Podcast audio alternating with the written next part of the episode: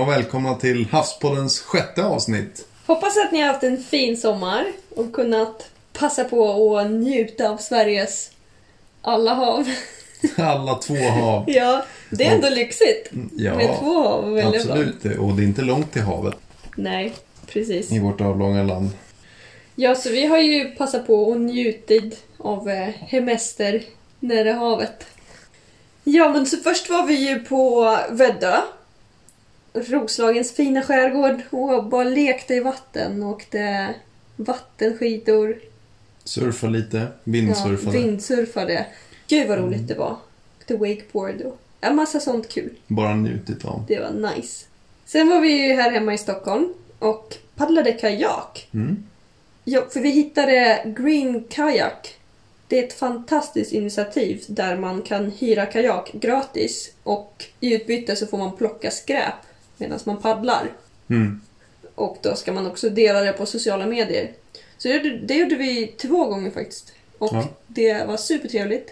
Jätterolig grej. Mm. Och det, det känns att det gör skillnad. Ja, För det var förvånansvärt lite skräp i området närmast uthyrningsstället. ja, Men när, om man paddlade iväg, stack iväg en bit så blev det lite mera skräp. Ja. Så- Jag vet inte, jag tyckte det var överlag ganska lite, alltså mycket mindre skräp än vad jag trodde att det skulle vara. Ja, jo, man blir nice. positivt överraskad så. Ja. Men ja, nej, Mm. kul grej. Ja. Och sen var ju såklart semesterns höjdpunkt var ju att tälta på Öland. Åh, vad jag ville åka dit länge. Och det var... Alltså jag är helt, helt kär i Öland nu. Det var så vackert. Det påminner väldigt mycket om Kaliningrad där jag kommer ifrån. Som jag brukar åka till varje sommar. Så det var ju kul att man fick eh, liksom vara i liknande miljö. Men också massa spännande nytt. Mm. Nej, men det var ju helt eh, fantastiskt ställe just för camping. Ja, man kan hitta liksom ställen på Öland där man kan campa och, och verkligen njuta av Ölands unika natur. Ja, och sen vattnet var också väldigt, väldigt bra skick om man säger så. Det var alltid klart i vattnet och väldigt mycket liv i grunda vikar Mm. och kryllade av liv. Sjukt kallt Mm. var det i vattnet. Ja, det var Det var, det var smärtsamt att bada. det. Japp. Men eh, bada gjorde vi. Det var skönt. Ja, vad nice. Supertrevlig semester. Mm. Men nog om den. Nu går vi in på hösten med dagens tema. Dykningens förtrollande värld. Ja, dykning. Det är någonting som ligger mig väldigt varmt om hjärtat. Eh, Mig med. ja, ja, absolut. eh, men jag är ju närmast besatt av dykning, eller har varit i alla fall, under en ganska lång tid. Så, dykning. För er som inte riktigt har koll så skiljer vi lite på olika typer av dykning. Eh, man har vad man kallar för sportdykning eller apparatdykning där man då andas under vattnet eh, via en andningsapparat. Och sen har vi även då fridykning såklart där eh, man dyker utan andningshjälp så att man håller andan då och dyker ner istället. Själva apparaten som man andas genom om man inte sysslar med fridykning då kan se lite olika ut beroende på vad man håller på med för typ av dykning.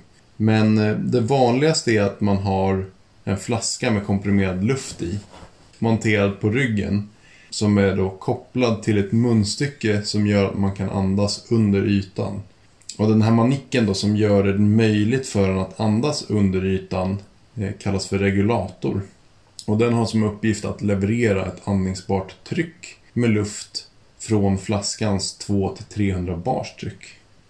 Och som en liten jämförelse då så i ett vanligt cykelhjul så brukar det ha mellan 4 till 8 bar. Så det är sjukt högt tryck i flaskan man har på ryggen. Ja, det är därför jag alltid tror att den ska explodera. Ja, men det gör den ju inte. Det finns jättemycket You regler never know. tryckkärl och hur det ska hållas. Och det är säkerhet, säkerhet, säkerhet liksom. Så det är väldigt, väldigt, väldigt liten risk att det händer. Men var kan man dyka då?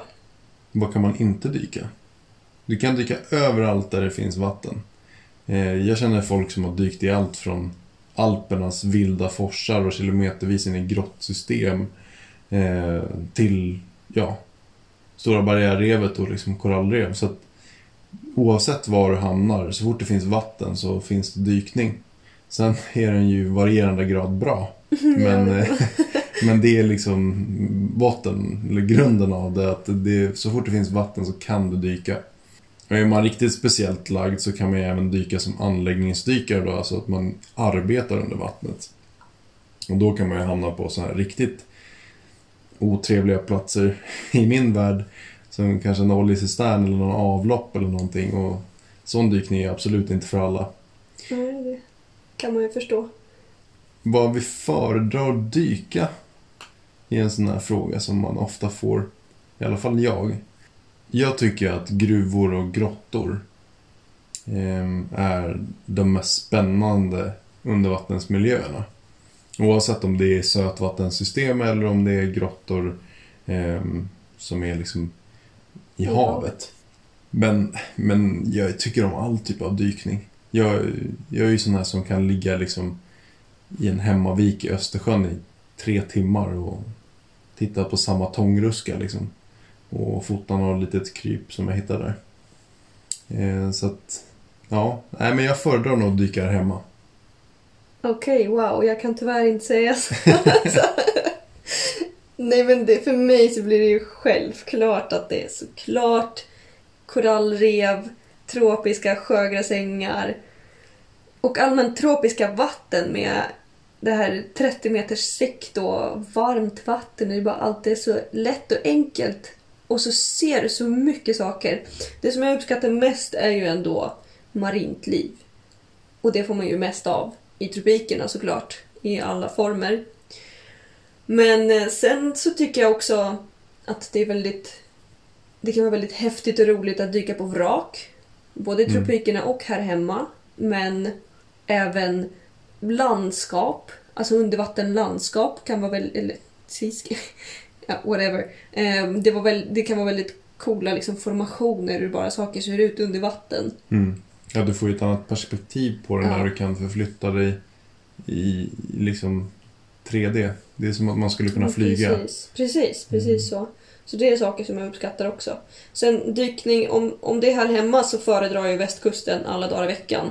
För det är ju typ som tropikerna, fast lite kallare och ja, men absolut lite mindre att se, men det är fortfarande otroligt mycket färger och saker som händer och du ser allt, hela tiden någonting nytt och spännande.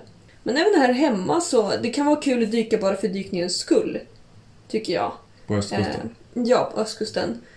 Och så, som sagt, vrak brukar vara lite coolt när man får dyka lite så här dålig sikt. Och så välbevarade vrak som vi hittar i Östersjön så kan man verkligen känna sig som en pirat eller jag vet inte vad. Eh, det, Adventure. ja men exakt. Det Mm. känns väldigt... sp- Det, det kan verkligen ge en speciell känsla Absolut. som man inte så ofta får. Ja, men det är lite äventyrar Mm. när man dyker i Östersjön ofta. Och det är lite samma känsla som man får om man dyker i en gammal gruva till exempel. Mm. Lite upptäckarkänslan så. Ja, exakt. Det är nice. Liksom oavsett vad man tycker om och föredrar för platser och, och saker att titta på så finns det ju alltid nya platser att upptäcka och uppleva liksom, med dykningen. Och det tycker jag är en av de absolut häftigaste sakerna med just dykning. Att det tar dig ofta till platser som du annars inte hade kommit till. Både på land och under vattnet. Som, som oss till exempel, vi, vi kan ju nästan inte göra en resa utan att planera en dykning. För att i alla världens hörn finns det alltid ny dykning att upptäcka. Eh, och när man blir lite inbiten på dykning så blir det nästan att man planerar sina resor efter det. Eh, vilket är superkul. Och Mm. man, man vidgar ju sina vyer något otroligt när man har dykningen också som en extra dimension till resandet. Mm, precis. Ja. Okej, men hur börjar man dyka? Om man får fråga instruktören som sitter här bredvid. Ja, men idag är det ju extremt enkelt att lära sig dyka om man jämför med hur det var... Ja, det räcker med att backa 20 år så var det mycket krångligare att lära sig dyka. Idag har vi ju stora organisationer som, som eh, bara sysslar med att utbilda dykare. Och har du familj med barn så kan du förmodligen idag ta med hela familjen och prova på dykning eller gå kurser.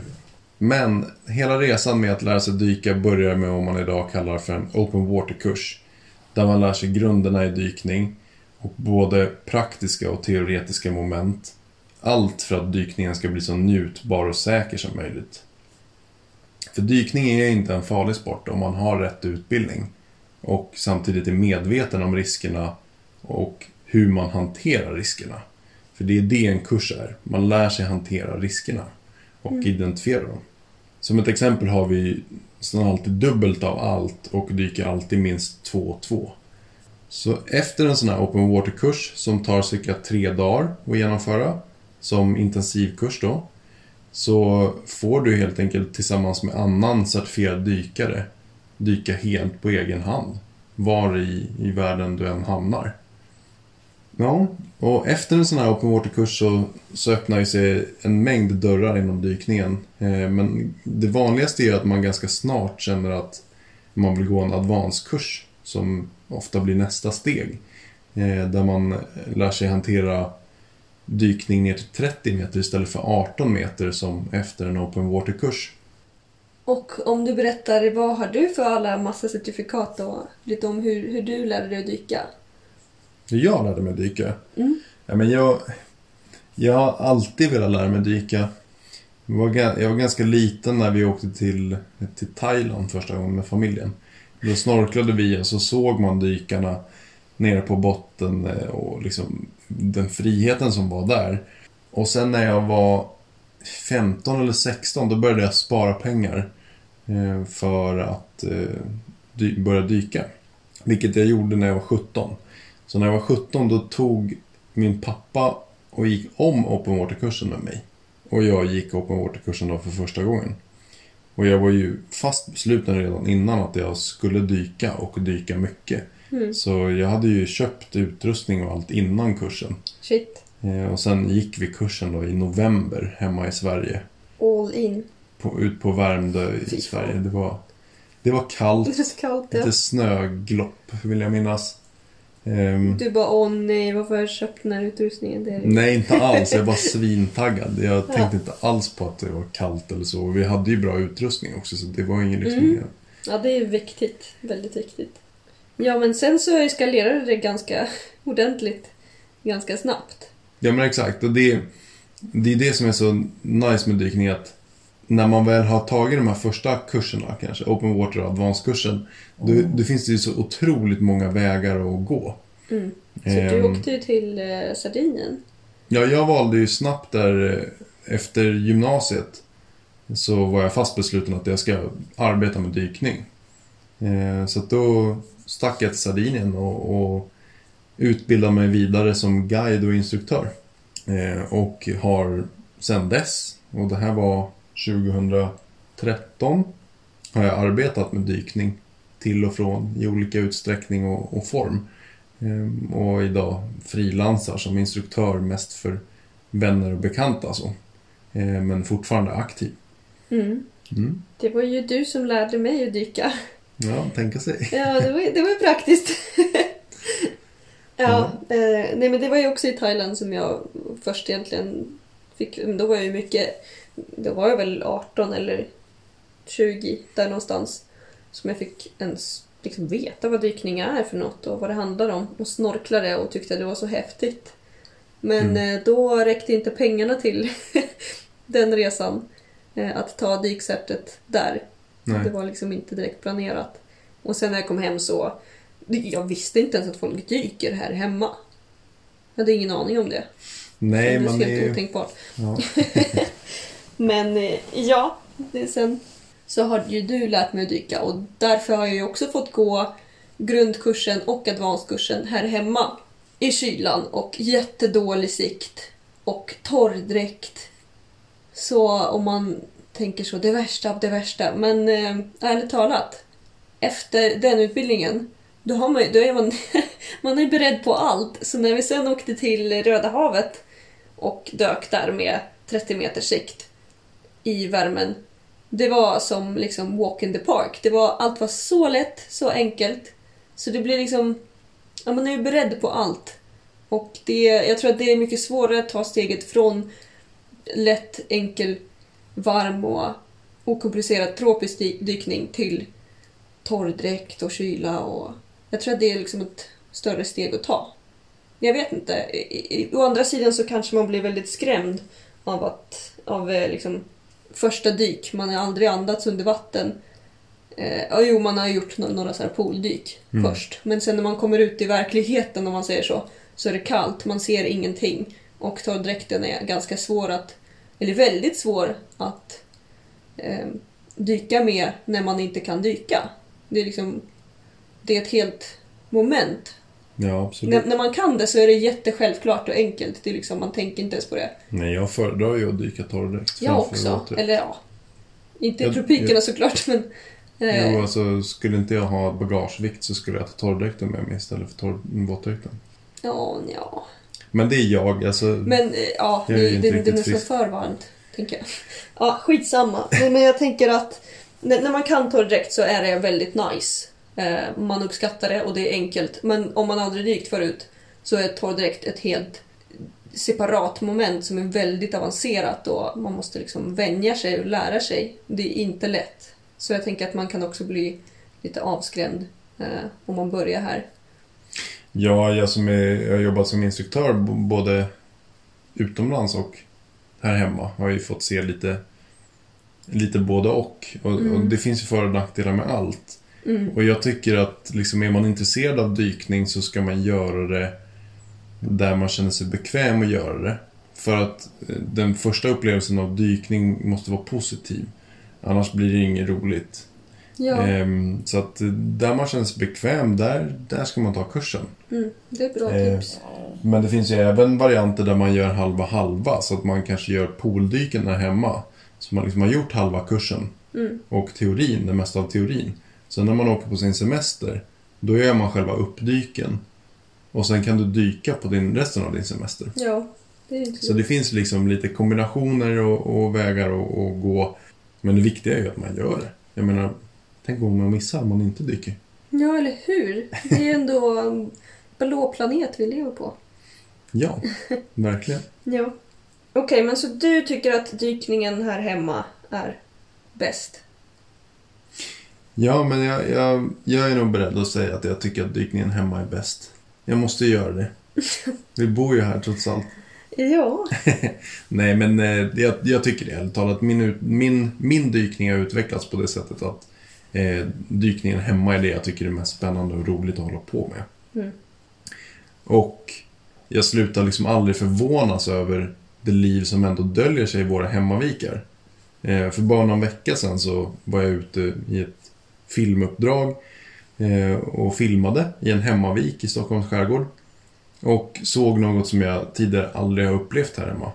Och det var nakensnäckor i Östersjön. Alltså så Alltså, coolt. jag vet att det finns nakensnäckor, men jag trodde de var väldigt ovanliga och sådär, vilket de uppenbarligen är, för jag har aldrig sett dem förut och jag har dykt mycket i Östersjön. Men det bara kryllade av dem. Och det var Nice. svinballt. Jag fick en riktig wow-upplevelse och det är väldigt sällan jag får det här hemma nu för tiden. Ja, vad du tjatar om.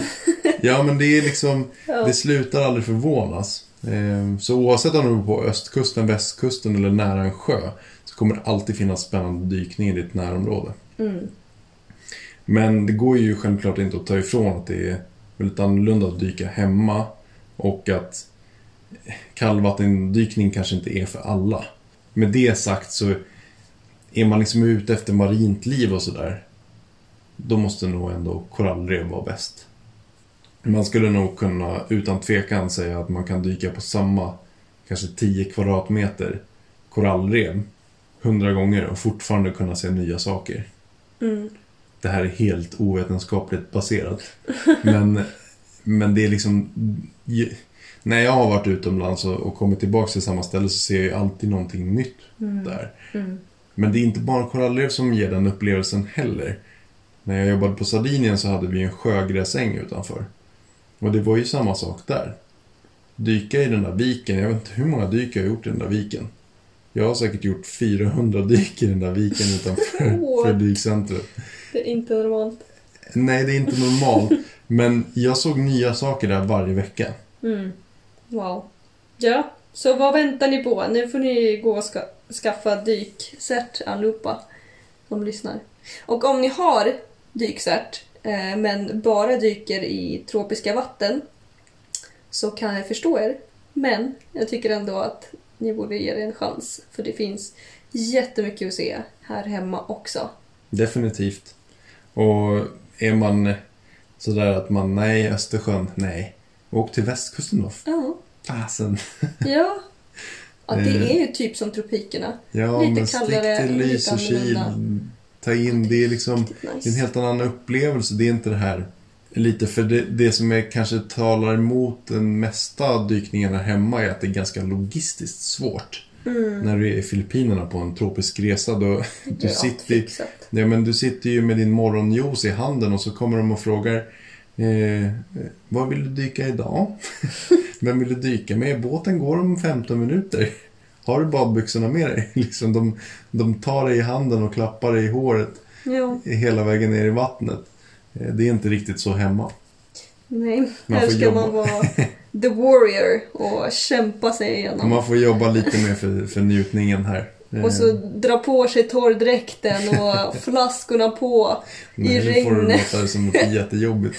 Nej, men man eh, känner sig som en riktig survivor. Och så ska man gå på klipporna, på hala klippor i 15 minuter ner till vattnet och bara Ja, nu överdriver du. Nu kan jag få dyka. Nu överdriver du. Det har hänt, det har hänt. Ja, men det finns ju dykplatser som lämpar sig bättre och så finns det dykplatser som lämpar sig sämre. Ja, men, Ja, men- ut och dyk. Bara gör Ja, det. Gör det, det är superkul. precis. Det var nog allt om dykning. Men kommer ni på några frågor så Eller något vi ska prata om inom Ja. dykning. Det, det, det vore jättekul då. absolut. Är det något ni undrar över? Jag, alltså jag kan ju nörda ner med dykning timmar efter timmar. Det nu finns ska inget vi ta stopp. lugnt här. Eh, Tre timmars avsnitt med Jesper Ström. Ja, exakt. Eh, men ställ frågor.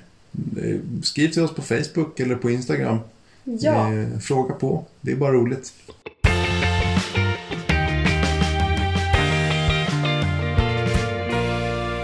Nu ska vi eh, glida över till havets nyheter. havets nyheter. Ni kanske har hört, eller inte, att strömmingsfiske i Östersjön har blivit MSC-certifierat. Alltså anses det vara livskraftiga bestånd och eh, fångstmetoder som medför minim- minimal inverkan på havsmiljön. Spännande. Eh, Det anses alltså vara hållbart fiske. Men det är ju många som är kritiska till beslutet. Det finns bland annat, eh, till exempel så har vi småskaligt fiske där kustfiskare tycker att eh, strömmingen har minskat och kommer då alltså minska ännu mer så de är oroliga över deras fångst. Och sen kritikerna menar också att dataunderlaget är bristfälligt och att det är nämligen möjligt att strömmingbeståndet består av flera mindre populationer och som då ska hanteras separat för varje population. Eh, om man, när man bedömer om den är livskraftig eller inte. Och de tycker då att man ska vara mer försiktig med sådana beslut tills man har mer kunskap om hur det ser ut. Tills man har mer kunskap om hur det egentligen ser ut. Men själva processen för att eh, certifiera den stora eh, producenten som står för det mesta av strömmingfisket var väldigt lång och noggrann. Och strömmingsfisket bedrivs med en typ av trål som inte påverkar eh, havsbotten och också minimerar bifångster. Det som eh, är ju positivt är att det kommer då komma in rapporter om fångst som ska redovisas till MSC vid årliga kontroller och med det så kommer man ju få mer data som man kan analysera och då dra mer slutsatser. MSC menar också i deras uttalande om det att certifieringsorganisationen grundar sina beslut i det underlaget, det vetenskapliga underlaget som finns tillgängligt idag. Och det är liksom det, är det de måste utgå ifrån. Och eh, de också grundar sina beslut på vad Internationella havsinstitutet säger. Och därför med det kunskapet som finns idag så eh, uppföljer ju strömmingfisket deras MSC-krav för hållbart fiske. Mm. Så det, det är spännande. Vi Ja, får ju se, får se vad som händer. Men sen, ja, eh, kanske vissa av er tänker, vänta nu, man får ju inte äta fisk från Östersjön, hur kan det vara hållbart? Men här handlar det inte om att människor ska liksom börja konsumera strömming. Det är fortfarande mycket dioxin, alltså höga dioxinhalter, så det är inte så nyttigt. Så den, den fångsten kommer ju mest gå åt djurfoder och kosttillskott. För att vid den processen så rensas eh, bort dioxinet vid tillverkningen. Det är ju i och för sig bra om det finns hållbart liksom, fiskfoder, för det är ju... Men det är en av de Stort stora problem. problemen i, i odlingssidan av Exakt. fiskindustrin. Ja. Vi avslutar som vanligt med eh, lite fun fact. Jag tänkte börja med en liten mini fun fact som relaterar till det som Daria har pratat om.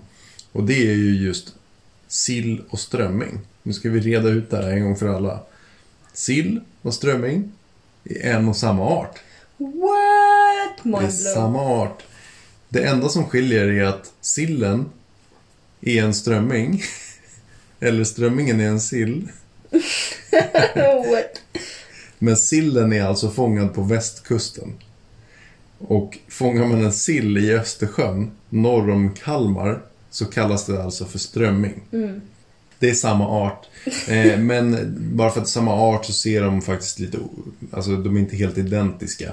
Eh, sillen blir ju ofta större. Mm. Det är lite som med Mm. musslorna. Ja, exakt. Blåmusslorna är samma sak. De blir större på västkusten. Men det är samma art som är i Östersjön. Men morfologiskt så finns det skillnader ändå. Okej, och du hade fun fact nummer två här också. Ja, eh, det är ju hur ljuset bryts när man dyker eller snorklar. Skitkul tänker du då. shit vad roligt! Men eh, ljuset har olika hastigheter genom olika täta transparenta medier. Så när man dyker eller snorklar så passerar ljuset då mellan vatten, glas och luft innan det kommer in i ögat. Och därför får man en väldigt spännande brytning mellan dessa medier. Och ljuset byter hastighet vid flera tillfällen. Resultatet av den här soppan, det blir att allt du ser när du dyker upplevs som mycket större än vad det faktiskt är. Och även närmare. Så alla de här förstagångsdykarna eller snorklarna som försöker ta i båtstegen när de ska upp, de missar ju den. För de tror att den är mycket närmre än vad den är. Så de tror att de kan nå den, men egentligen kan de Mm. inte det när de räcker sig efter den. Inte alla, men det är ett väldigt vanligt misstag innan man vänjer sig vid det. Eh, och det här är ju också anledningen till att man alltid tycker att man har sett den största abborren i hela mitt liv. Den var helt sjukt stor. Men eh, skulle man ta upp den till ytan så är den nog inte större än den du fick igår när du satt och meta. Men eh, är inte det, jag har någon siffra i huvudet att det är 30%, allt ser 30% större ut under vatten. Ja, eh, precis. Det är, man pratar om 33% större och 25% närmre eller något i den Mhm. stilen. Eh, de Siffrorna kan vara omvända också. Mm. Ja, jag är inte helt hundra på det. Nej, men, eh, men det, det blir väldigt mycket större. Mm. Det är en cool effekt. Fy fan, du är så jävla otaggad. Opepp på min fun fact. Jag skulle kalla den för nerd fact, men det är i och för sig alla som vi tror. Det var allt från oss för idag. Tack så jättemycket att ni lyssnade. Och som vanligt, följ oss jättegärna på Spotify, och Facebook och Instagram. Sprid gärna vidare.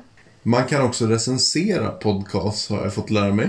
Eh, och det gör man lättast via iTunes. Så lyssnar man på podd och sånt där, eller inte oavsett, gå in på iTunes och skriv en recension om man tycker att sånt är kul. Ni är alltid välkomna att höra av er till oss. Nästa gång så ska vi faktiskt ha en intervju med MSC. Ja, det ser jag jättemycket fram emot. Som vi har pratat lite om i, i många avsnitt eh, här. Och det är ju ett internationellt certifieringsorgan för hållbart fiske. Och det ser vi verkligen fram emot. Mhm. Och hoppas att ni gör det också. Ja, vi hörs!